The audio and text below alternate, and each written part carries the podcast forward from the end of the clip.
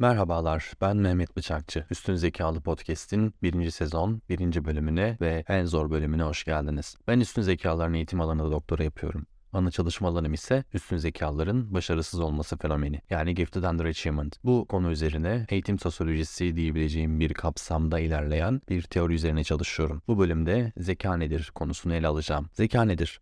Bu soruyu bu bölümde en geniş bağlamsal perspektiften incelemeye çalışacağım. Öyle ki Ambrose'nin de belirttiği gibi zeka veya üstün zeka nedir gibi sorular antropolojik, sosyolojik, psikolojik, biyolojik ve hatta atom altı düzeyde bile incelenip cevaplanabilir. İşte burada ilk historisiz şerhimi koymaya izin verin lütfen. Benim anlayışım nörobilimci Robert Sapolsky'nin davranış nedir sorusuna cevap verirken tek bir disiplini kullanmanın evet tek bir disiplini kullanmanın yeteceği düşüncesiyle paralel. Fakat diyor Sapolsky, bu tek disiplin diğer tüm disiplinleri kapsamalıdır. Bir nörobilimci ile antropoloğun davranış nedir sorusuna üretecekleri cevap takdir edersiniz ki birbirinden farklı olacak. Ben de üstün zekaların eğitimi alanında çalıştığım için genellikle eğitsel bir perspektiften bakacağım. Yine de zeka üzerine farklı görüşleri ve teorileri inceleme amacımıza bağlı olarak eklektik olarak kullanabileceğiz. Sapolsky'nin de dediği gibi insan davranışını anlamak ve yordamak, zekayı anlamak ve yordamak oldukça zor. Zeka nedir sorusu cevaplanması oldukça zor bir soru. Bu zorluğu dolayısıyla bu soruya kolay kolay cevap verilemeyeceği aşikar. Muğlak bir yapı öyle ki bazı araştırmacılar tanımı olmayan bir şeyden para kazanıyorum diyerek bu konuya nükteden bir şekilde yaklaşıyorlar. Tanımı yok derken kastettiğim şu. Üzerinde herkesin hem fikir olduğu bir tanımı yok. Dolayısıyla zeka yapısını işlevsel hale getirip kullanabilmek için son yüzyılda oldukça fazla cevap üretilmiştir bu soruya. Bugün bazı araştırmacılar bazılar artık zeka ölü bir alan derken bazıları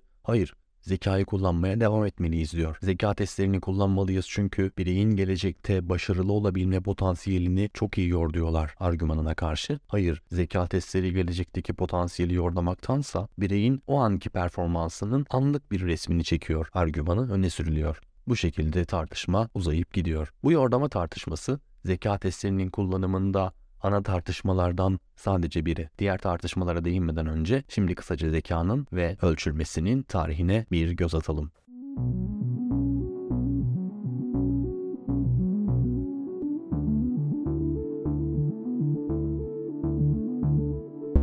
Geçmişe Bugüne bir çapa atarak gidelim. Bugünün en yaygın zeka teorisi Kettlehorn-Carroll'ın bilişsel yetenekler teorisidir. Bu teori bir beceri taksonomisi olarak dizayn edilmiştir. Bu teori yapısı ve ismi teoriye katkı sağlayan 3 ismin 1940 ile 1990 yılları arasında yaptıkları katkılarla oluşturulmuştur. Bugüne kadar bilişsel yeteneklerin yapısının en kapsamlı ve ampirik olarak desteklenen psikometrik teorisi olarak kabul görüyor bu teori. Bu özelliğinden dolayı zeka ve biliş ile ilgili birçok önemli başlığın temel taşı durumunda. Bu teorinin güncel versiyonu 3 büyük katkıyla oluşturulmuştur. İlk katkı Spearman'ın 1904'te önerdiği G teorisidir. 1946'da Raymond McKean Kettle akıcı ve kristalize yani G ve S General and Specific zeka olarak iki farklı beceriden yola çıkan bir teori ortaya koydu. Bunlardan akıcı olanı kişinin daha önce öğrenmediği konularda tecrübeyle edinmediği becerileri sergileme olarak tanımlanmaktadır. Yani biyolojik ve nörolojik temeller oturtulmuş. Kristalize zeka ise yaşam sürecinde kazanılan bilgilerin ve kültürleşmeyle edilen tecrübelerin işe koşulmasıdır. Carroll ise 1993 yılında Spearman ve Cattell'in katkılarından yola çıkan üç katmanlı bir teori ortaya koydu. Üç katmanlı teorinin Spearman'ın 1904'teki ilk teorisi teorisiyle, G teorisiyle başladığını söylemiştim. Peki Spearman'ı hazırlayan ilk düşünceler nelerdi? Spearman'dan yaklaşık 40 yıl önce oldukça tartışmalı bir dahi olan Sir Francis Galton zeka alanına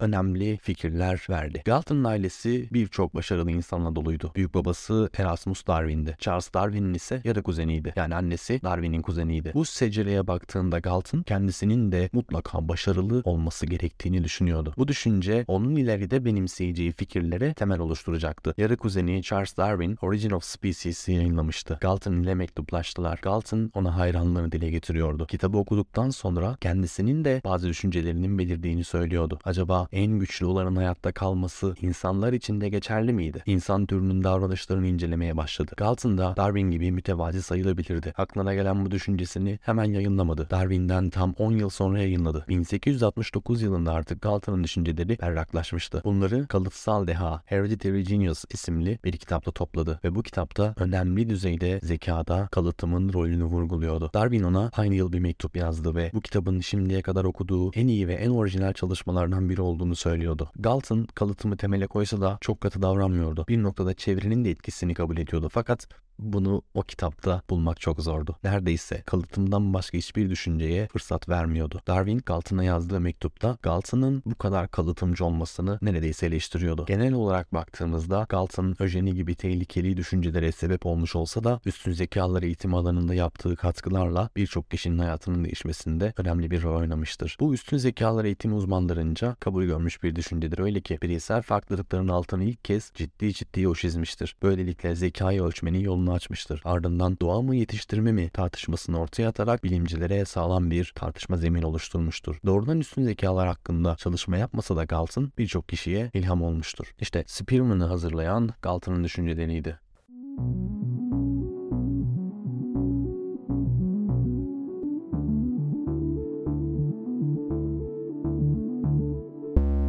Galton'dan sonra sahneye Alfred Binney çıkıyor. 20. yüzyılın başlarında Alfred Binney ile birlikte öğrencisi Theodore Simon ve daha sonra Lewis Madison Turner gibi isimlerin çalışmalarıyla konu hakkındaki araştırmalar ivme kazanıyor. Spearman G teorisi temelinde Terman'ın zeka ve üstün zekalarla ilgili çalışmaları da kayda değer ikinci başlangıç noktasıdır. Bu gruptaki çalışmalar birinci nesil zeka kuramları olarak adlandırılabilir. Bu ilk nesil yaklaşık 1950'ye kadar kendine önemli yer buluyor. Hatta bugün bile araştırma amacına bağlı olarak G teorisini benimseyen çalışmalar var. Bu ilk nesilde zekanın tanılanması, bileşenlerinin ortaya konması ve zeka ölçümü ile ilgili araçların geliştirilmesiyle birlikte çoğunlukla genel zeka faktörüne dayanan biyolojik temelli bir bakış açısı hakimdi. Yine historisist olarak bizi bakmaya yönlendiren şey bu bakış açılarının geçmişte üretilmiş, daha sonra gelişmiş ve bir sonraki aşamaya geçtiğinde terk edilen düşünceler olmayışı. Auguste Comte'un 3 aşama yasasından da bakarsak zekaya dair anlayışlar teolojik, metafizik ve pozitivist aşamalarla ilerlemedi. Tanımı zor bir yapı olduğundan her disiplin için yeniden yorumlanabiliyor ve disipline göre değişken farklı aşamalarda olabiliyor. Zekanın tanımı konusunda bugün genel bir kabul olmadığını söylüyoruz. 1921'de düzenlenen zeka üzerine bir sempozyumda 17 psikolog şunu tartıştı. Zeka nedir? En iyi nasıl ölçülür? Bu sempozyumda kimse hem fikir olamadı. Thorndike dedi ki zeka nokta nokta nokta olmaktır diye başlayan her cümle anlamsızdır. Aradan zaman geçti, zekaya dair bilgimiz arttı. 1968'de yine bir toplantı düzenlendi. Bu toplantıda da araştırmacılar en fikir olamayınca Westman şunu dedi. Bundan 50 yıl önce bir fikir birliğine varılamamıştı. Bugün hala fikir birliği yok. Lakin zeka ölçülmeye ve hayatımızda yer almaya devam etti. Zekaya dair anlayışlar, zeka testleri değerlerinin ölçüm yöntemlerine yansıdı. Psikometrik ölçümler sonrası elde edilen IQ puanları her zaman zeka teorileriyle maalesef uyumlu olmadı. Zekanın kalıtımsal olduğunu benimseyip çevreye uyum sağlayıp problemleri çözmek şeklinde gören zeka teorileri bu anlayışlarını testlere soru olarak aktardığında ortaya acaba bu soru gerçekten zekayı ölçüyor mu sorusu çıktı. Bu sorunu gören Boring 1923'te şunu dedi. Zeka, zeka testlerinin test ettiği şeydir. Dolayısıyla teorik tanımları tanımları ile operasyonel tanımlar arasında uyumsuzluk olmasına rağmen zeka testi sonuçları zeka olarak kabul edilmek zorunda kalındı. Öyle ki zeka testi CHC'yi, G ve S'i veya G'yi benimsemesine rağmen aynı ifadeyle temsil ediliyor. IQ, Intelligence Quotient. IQ'yu tanımlamak gerekirse, IQ her zeka testinin zeka olarak kabul ettiği teoriyi en iyi temsil ettiği düşünülen sorularda gösterilen performans olarak açıklanabilir. Birazdan detaylı açıklamaları yapacağım. 80 IQ, 130 IQ, 150 IQ ne demek oluyor?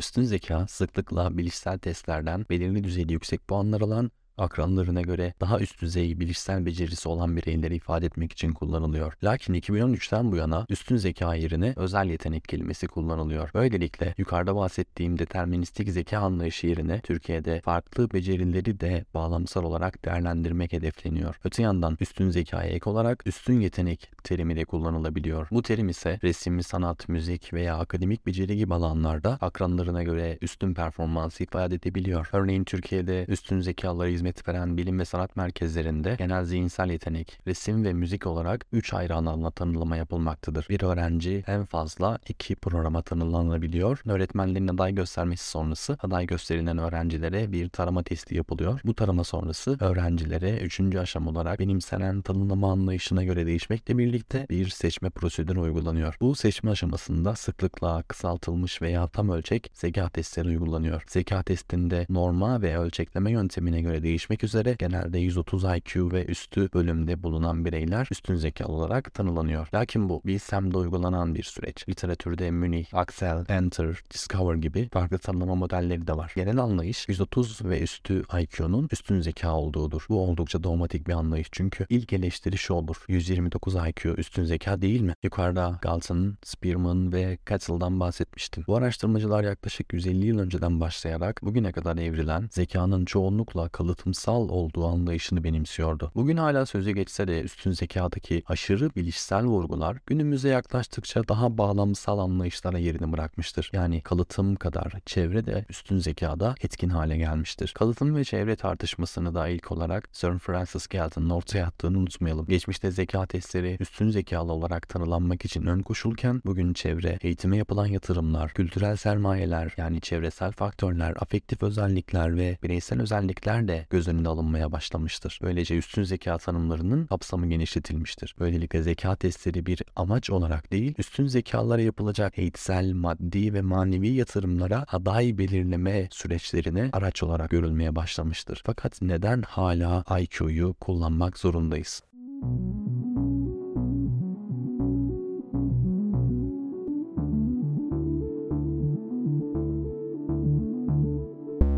Bilişsel olarak normal dağılım eğrisinin bu aynı zamanda Gauss eğrisi, Çan eğrisi, normal dağılım eğrisi olarak bilinir. Bu eğrinin üst %10'luk diliminde değerlendirilen bireyler üstün zekalı olarak kabul edilir. Bu National Association of Gifted Children'ın kabulüdür. Lakin araştırmacılar benimsedikleri zeka veya üstün zeka teorisine veya tanımlama modellerine göre üst %1 veya üst %25 arasında değişen persentilleri üstün zeka olarak kabul edebilmektedir. Tanılama yaparken aday gösterme, derecelendirme ölçekleri, yetenek testleri, problem çözme envanterleri veya bir veya birden fazla zeka testi kullanılabiliyor. Bu bölümün konusu zeka nedir olduğu için zeka testlerinden ve IQ'dan bahsedeceğim. Zeka testleri anlamlandırma, problem çözme, uzamsal düşünme, işleyen bellek gibi zihinsel becerileri ölçmektedir. Öte yandan yetenek testlerinde ise akademik beceri, örneğin üst sınıf konularından hazırlanmış sınavları çözme çözme, resim veya müzik alanındaki performanslarla ölçülüyor. Uygulanan zeka testlerinde yer alan sorular testi hazırlayan ekip tarafından istatistiksel yöntemlerle belirli bir norma göre puanlanıyor. Farklı yaş veya sosyoekonomik durumdaki bireyleri kapsayacak şekilde geliştiriliyor. Böylelikle örneğin 6 ile 16 yaş arası zeka testi veya 2 ile 85 yaş ve üstü zeka testi olarak tanıtılıyor. Bu zeka testlerinde yapılan hesaplama ile sorulara verilen cevaplardan yola çıkan bir indeks puan hesaplanıyor. Bu puan test testin yapıldığı normda hangi düzeyde performans gösterildiğini bağlı olarak hesaplanmak sonucu elde edilen puan. Yani alınan puan bir performans bölümünü temsil ediyor. Dolayısıyla 130 IQ testin geliştirildiği norma göre belirlenen bir zeka bölümünü açıklamak için kullanılıyor. Bazı testlerin en yüksek puanı 160 iken örneğin Stanford 1005'in 225'tir. Yani bu puanlar testlerin hazırlanış sürecindeki kapsayıcılık hedefleri, uyguladıkları istatistiksel hesaplamalara göre değişebilir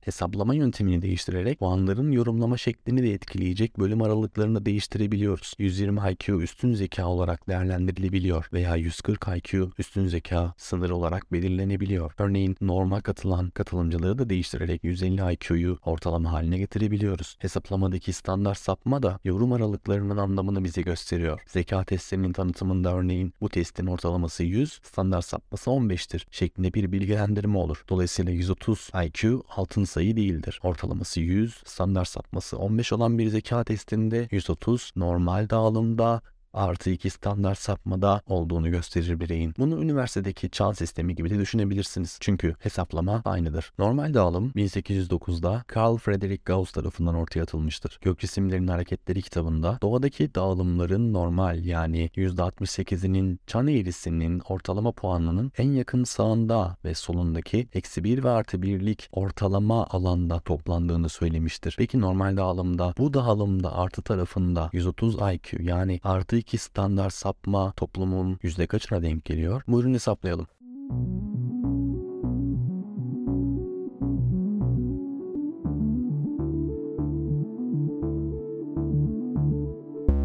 Normal dağılım eğrisi araştırmacıların belirli aralıklar içinde yer alan bireylerin oranlarını hesaplamada kullanılıyor. Bu 68, 95, 99.7 kuralı olarak biliniyor. Belirli bir test için popülasyon ortalaması ve standart sapması biliniyorsa bireylerin çoğunluğunun veya azınlığının konumu hızlı bir şekilde bulunabiliyor. Gauss'un formülüne göre bireylerin çoğunluğunun eğrinin en yüksek bölgesinde yani ortalamanın etrafında olduğu ortaya çıkıyor. 68, 95, 99.7 kuralına göre popülasyondaki bireylerin yaklaşık %68'i 85 ile 115 arasındaki bir IQ'ya sahiptir. Yani eksi 1 ve artı 1 standart sapma aralıklarındadır. Bu aralıktaki değerler en sık rastlanan değerlerdir. Normal dağılıma göre nüfusun yaklaşık %95'i 70 ile 130 IQ arasındadır. Yani bunlar eksi 2 ve artı 2 standart sapma aralıklarındadır. Nüfusun yaklaşık 99.7'si 55 ile 145 IQ puanına sahiptir. Nüfusun yaklaşık %0,3'ü bu aralığın dışında IQ'ya sahiptir. 55 IQ'dan az, 145 IQ'dan yüksek. Dolayısıyla bu dağılımın baz alındığı normlarda IQ testlerinin 130 ve üstü IQ dediği bölüm toplumun üst %5'lik dilimi. Neden üst dedim? Çünkü 70 ve IQ altında ise bu alt %5'lik dilim oluyor. Özetle 130 IQ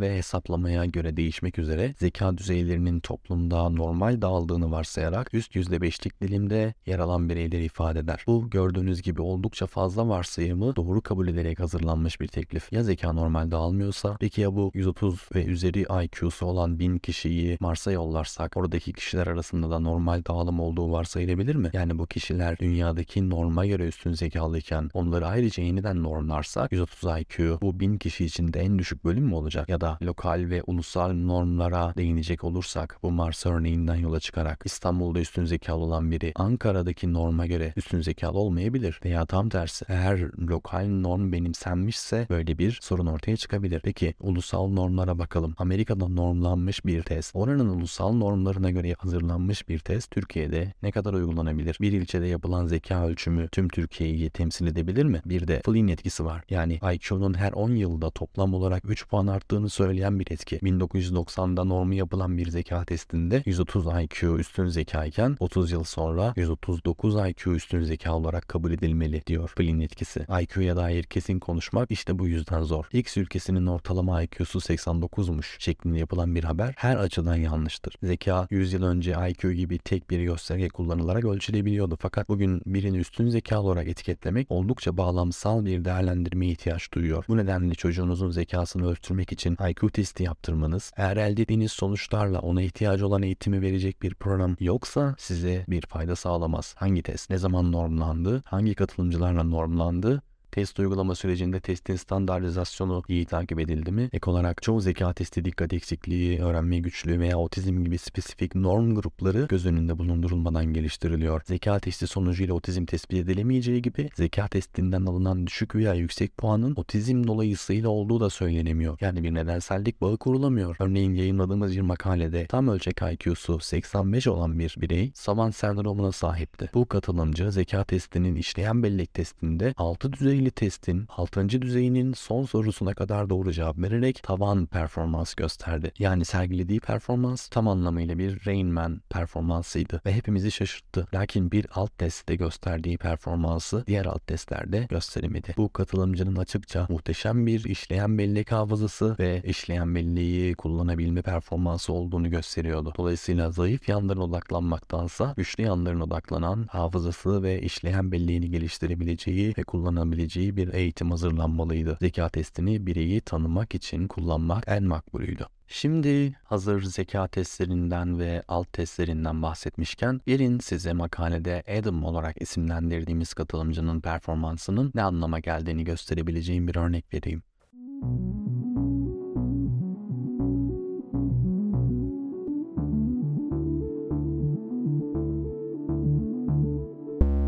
Bu yapacağım uygulama sözlü işleyen belleği ölçmek için kullanılıyor. Sizden yapmanızı isteyeceğim şey şu. Söyleyeceğim cümleleri dikkatle dinleyin. Cümleleri okumayı bitirdiğimde her cümlenin son kelimesini doğru sırayla sayın. Örneğin, kadınlar müzik yapıyor.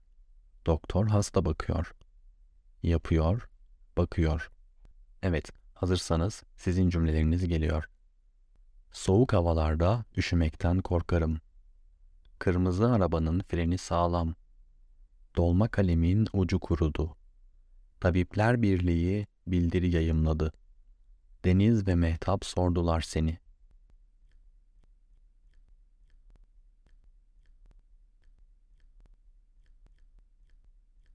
Evet, kaçını hatırlayabildiniz?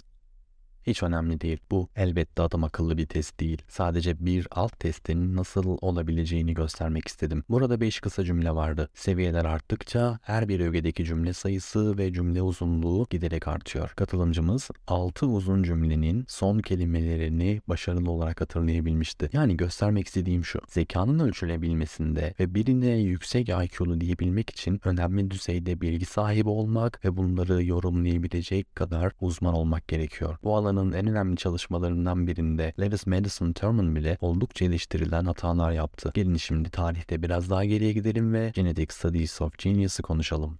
Alfred Binet 1905 yılında Fransa Milli Eğitim Bakanlığı'nın sınıflarda özel eğitime ihtiyaç duyabilecek öğrencileri belirlemek için bir test istemesiyle öğrencisiyle birlikte bir zeka testi geliştirdi. Öğrencisi Theodore Simon'la geliştirdiği bu test Binet-Simon testi olarak bilinir. Daha sonra 1916'da Lewis Madison Thurman Üniversitesi olan Stanford'un ve Alfred Binet'in soyadıyla birleştirilmesiyle oluşan Stanford Binet ismi üretildi. Bu test Galton ve Spearman'ın görüşlerinden etkilenerek hazırlanmıştı. Terman üstün zekalı öğrencileri tanılamak için bu testi kullandı ve gelecek bölümlerde de bahsedeceğim gibi daha farklı kriterler ve yöntemler istedi. Gelecek bölümlerde bu çalışmayla ilgili ilginç anekdotlar aktaracağım. Burada ise IQ kavramı ile ilişkili olan ikinci rapordan bahsedeceğim. 1926 raporundan. Stern 1912'de Almanca olarak Intelligence Quotient kelimesini kullandı. Bu hesaplama IQ'nun yaş bazlı hesaplamasıydı. Bunu artık kullanmıyoruz. Alınan ve beklenen puan hesaplamalarını kullanıyoruz. 1926'daki ikinci raporda geçmişte yaşayan ünlü bilim insanlarının IQ'ları retrospektif olarak hesaplandı. Bunu Terman ve öğrencisi Catherine Cox yaptı. Tarihsel kesişimler beni her zaman heyecanlandırır. Burada İstanbul Üniversitesi'ne 1954 yılına dönmem gerekiyor. Bu tarihte İstanbul Üniversitesi'ne daha önce Stanford'da ve daha sonra Yale'da hocalık yapan bir profesör ziyarete geldi. Walter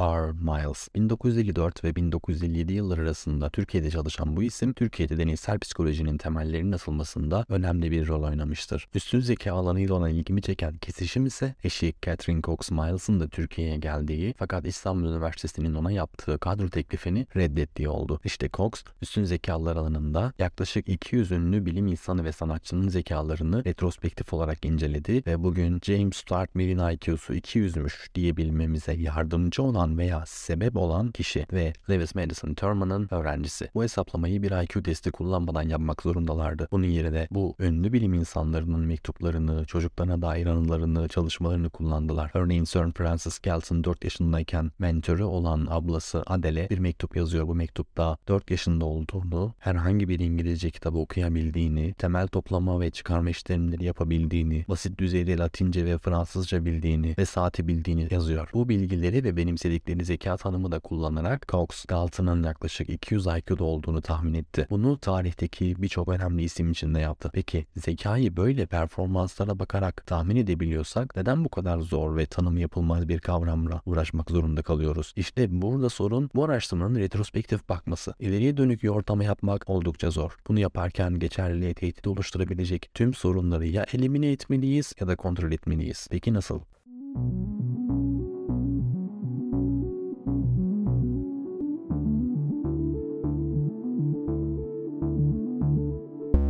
Darwin'in kuramı bugün kadın erkek ilişkilerinde hala geçerlidir gibi bir söyleme yakınlarda yapılan bir araştırmaya göre sosyal psikologların yaklaşık %80'i katılmıyor. Katılmamalarının sebebi bence Darwin'i doğrudan reddetmek değil, son yüzyılda insanların birbiriyle iletişimleri sürecine, etkileşimleri sürecine sadece biyolojik faktörlerle açıklanamayacak değişkenler girmesi olduğunu naifçe umuyorum. Aynı soruyu zeka kalıtımsal mıdır şeklinde soralım ve detaya inelim. Az önce de bahsettiğim üzere Galton zekanın oldukça kalıtımsal olduğunu söylüyor. Fakat Darwin bunun tam olarak böyle olmayabileceğini söylüyor. Peki Galton zekayı nasıl tanımlıyordu? Şöyle, kişinin çevreye uyum sağlaması, çevresini şekillendirmesi veya seçmesini sağlayan zihinsel yetenek, yargılama, kavrama ve muhakeme yeteneği, insanları, nesneleri ve sembolleri anlama ve bunları manipüle etme becerisi, maca yönelik hareket etme ve rasyonel düşünme ve çevreyle etkili bir şekilde başa çıkma becerisi. İşte Galton zekayı bu şekilde tanımlıyordu. Peki bugün zekayı nasıl tanımlıyoruz ki? Bunların çok eski ve kalıtımcı olduğunu söyleyebiliyoruz. Evet bugün yine sosyal psikologlara sorsak %80'i zekanın kalıtımsal olduğunu düşünmez fakat kadın erkek ilişkilerinde de olduğu gibi kalıtımın zekada hiç payı olmadığını düşündükleri için değil tek bir nedenle açıklanmasındaki risklerden dolayı böyle bir reddedişte bulunabilirler. Zeka teorileri içinde durum böyleyken en güncel üstün zeka teorilerinde artık ancak bağlamsallığın ve kaotikliğin çözülebildiği kadar ve bunları ne kadar yönetebildiğimiz kadar zekanın sosyal ve kültürel yansımalarını anlayabiliyoruz. Kültürel yansımalar aynı zamanda kültürel yanlılıklar da oluşturuyor ve bu bizim tahminlerimizi geçersiz kılabiliyor. Az önce söylediğim gibi ileriye dönük yorumlama yapabilmek oldukça kaotik ve zor bir süreç. Bunu açıklarken Cohen ve Swartlake'in 2013'teki kitaplarında şu harika örneği görmüştüm. Onu sizinle paylaşmama izin verin lütfen. 1975'te Williams tarafından siyahlar için kültürel homojenik zeka testi isimli bir zeka testi geliştiriliyor ve yüklü bir fon alıyor. Bu testte şöyle bir soru var. Anneler günü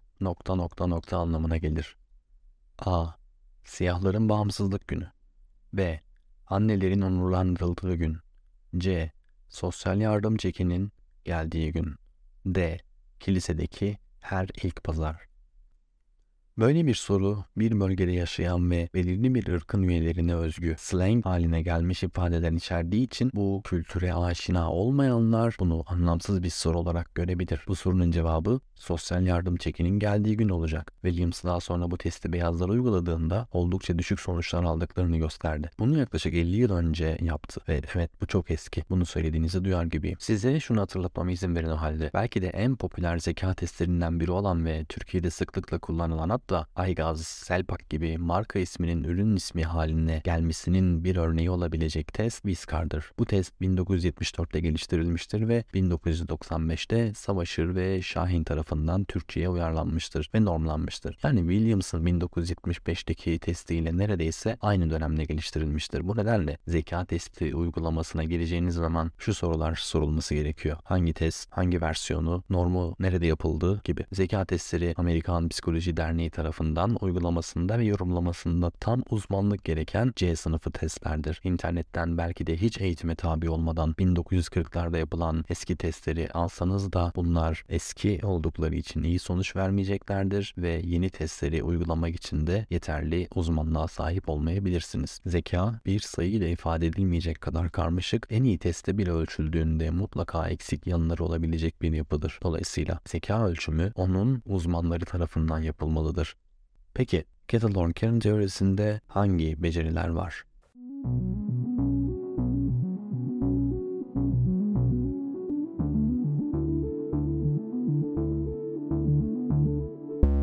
Bu teori üç ismin birbirini izleyen çalışmaları sonrası oluşturulmuştu. Son katkıyı Carroll 1993 yılında yapmıştı. Bu teste dair açıklamaları Contemporary Intellectual Assessment Theories, Tests and Issues kitabının dördüncü basımındaki Schneider ve McRaven bölümünden aktaracağım. Örneğin bir ana beceri, kısa süreli işleyen bellek. Bu hafızadan geri çağırma becerisiyle karıştırılmamalı. Çünkü bu beceri aktif dikkatli bilgiyi koruma ve değiştirme yeteneği olarak tanımlanıyor. Hafızadan geri çağırma ise bireylerin uzun süreli bellekte depolanan bilgilere erişme hızı ve akıcılığı olarak tanımlanıyor. Yani kısa süreli işleyen bellek zihnin karalama defteri veya çalışma tezgahı olarak kullanılması olarak görünüyor. Bu beceriye dair az önce bir örnek uygulama yapmıştık. Bu ana beceri peki alt beceriler de mi var? Onlar neler?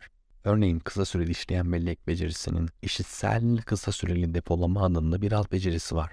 Bu beceri sözel bilgiyi bilincil bellekte kodlama ve koruma yeteneği olarak tanımlanıyor.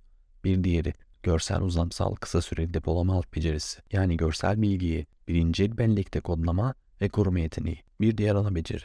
Tepki verme ve karar verme hızı. Bu beceri ögeler birer birer sunulduğunda çok basit kararlar verme veya yargılarda bulunma hızı olarak tanımlanıyor. Bunları uygun prosedürleri uygulaması zor olsa da uygulayıp bir şekilde ölçebiliyoruz. Peki ya şöyle bir beceriyi nasıl ölçeceğiz? kokulardaki anlamlı bilgileri algılama ve işleme. Bu olfaktörü koku yetenekleri ana becerisi olarak sınıflanıyor. Açıklamasında ise bu becerilerin şu anda CHC modelinde istenenlerden daha dar yetenekler içermesi muhtemeldir şeklinde bir ifade yer alıyor. Daha önce karşılaşılan ayırt edici kokuları tanımlama yeteneği standart olarak ölçülmesi zor bir beceri. Testin ana beceri açıklamasında açık kapı bırakılıyor. Çünkü tamamen kokusuz bir ortam oluşturulsa bile ayırt edilebilir ve isimlendirilebilir saf bir kokuyu her bireye aynı düzeyde sunabilmek oldukça zor. Açık Radyo'da Vedat Ozan'ın koku programına baktığınızda bunun ne kadar zor olduğunu görebileceksiniz. Kültür, değişkenleri kontrol edebilme, teoriye uygun test hazırlama, zekanın her 10 yılda bir artabileceğini söyleyen Flynn etkisi, normlama, savant, otizm gibi farklı zihinleri kapsayabilme derken zekanın neden zor tanımlandığı ve neden zor ölçüldüğünü açıklayabilmişimdir umuyorum. İlerleyen bölümlerde yine bu noktalara değineceğim. Lakin zeka ve üstün zekanın neden farklı olduğunu buyurun konuşalım. Bugün üstün zekalılıkta sistem yaklaşımı açısından bakıldığında Terman'ın üstün zekalar üzerine yaptığı boylamsal araştırmasında bu örneklemin akranlarından daha başarılı kariyerlere sahip olması ya da daha fazla para kazanmalarının sadece üstün zekalı olma özelliklerinden dolayı değil, içinde yaşadıkları dönemin şartlarıyla ilgili olduğu söylenebiliyor. Benzer şekilde gelişimsel yaklaşımlarda örneğin Gagne'de sadece bilişsel özelliklere odaklanıldığında bireyin potansiyelinin performansa dönüşmesinde bazı katalizörlerin yatsınma tehlikesi olduğunu işaret ediyor. İnsan potansiyelinin sabit bir kapasite olarak değil, bireysel gelişim bağlamında ele alınması, kalıtım, çevre ve her ikisinin ortak etkisiyle değerlendirilebiliyor.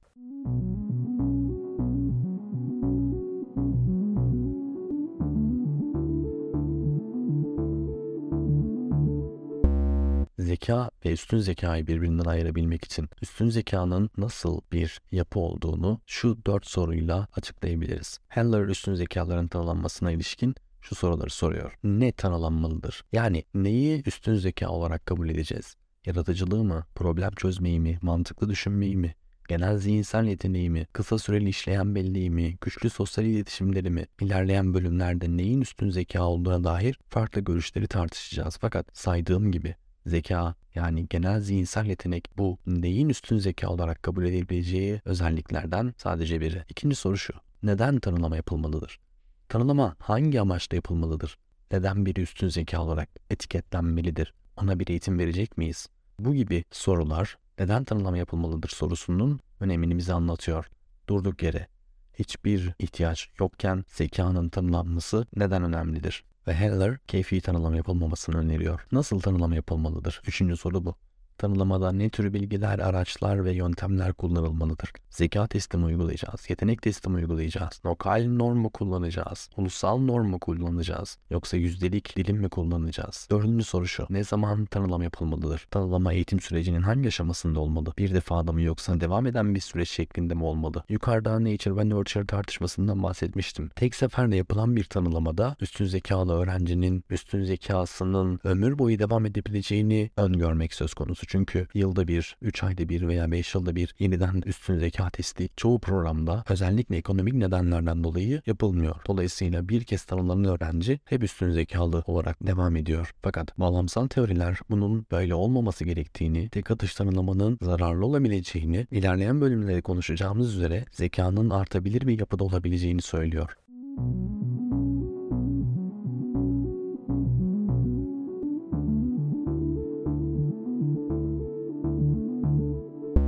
Evet, toparlayacak olursak. Bu bölümde oldukça geniş bir konuyu farklı yönleriyle anlatmaya çalıştım. Lakin yine de söyleyecek çok şey var. Bunları ilerleyen bölümlerde konuşacağız. Sorularınızı mehmetbıçakçı.com'u ziyaret ederek ulaşabileceğiniz iletişim bilgilerimi kullanarak bana gönderebilirsiniz. Bir sonraki bölümde görüşmek dileğiyle. Hoşçakalın.